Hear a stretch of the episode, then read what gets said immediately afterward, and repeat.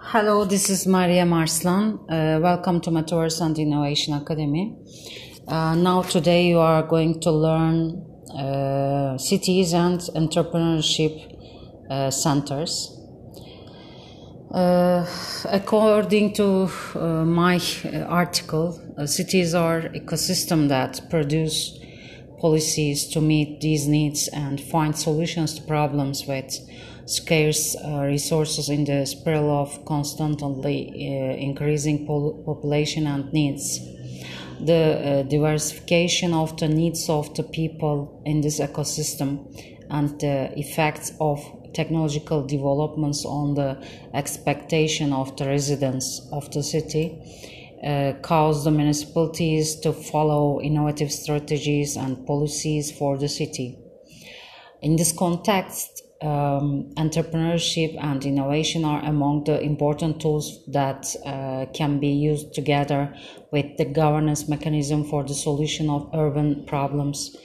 Um, recently, entrepreneurship uh, centers have been established under the management of municipalities and have become focal uh, um, centers for the solution of urban problems and local development with the participation of the public.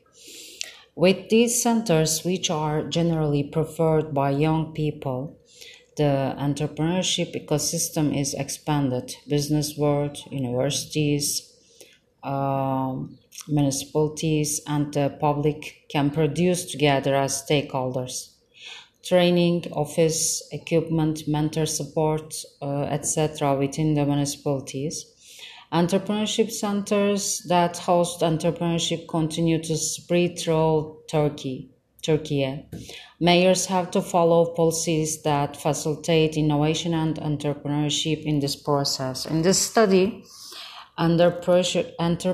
entrepreneurship activities related to the city are examined by focusing on uh, the entrepreneurship centers of the municipalities uh, and by giving examples from the semi-structured and uh, interview technique and internet sites.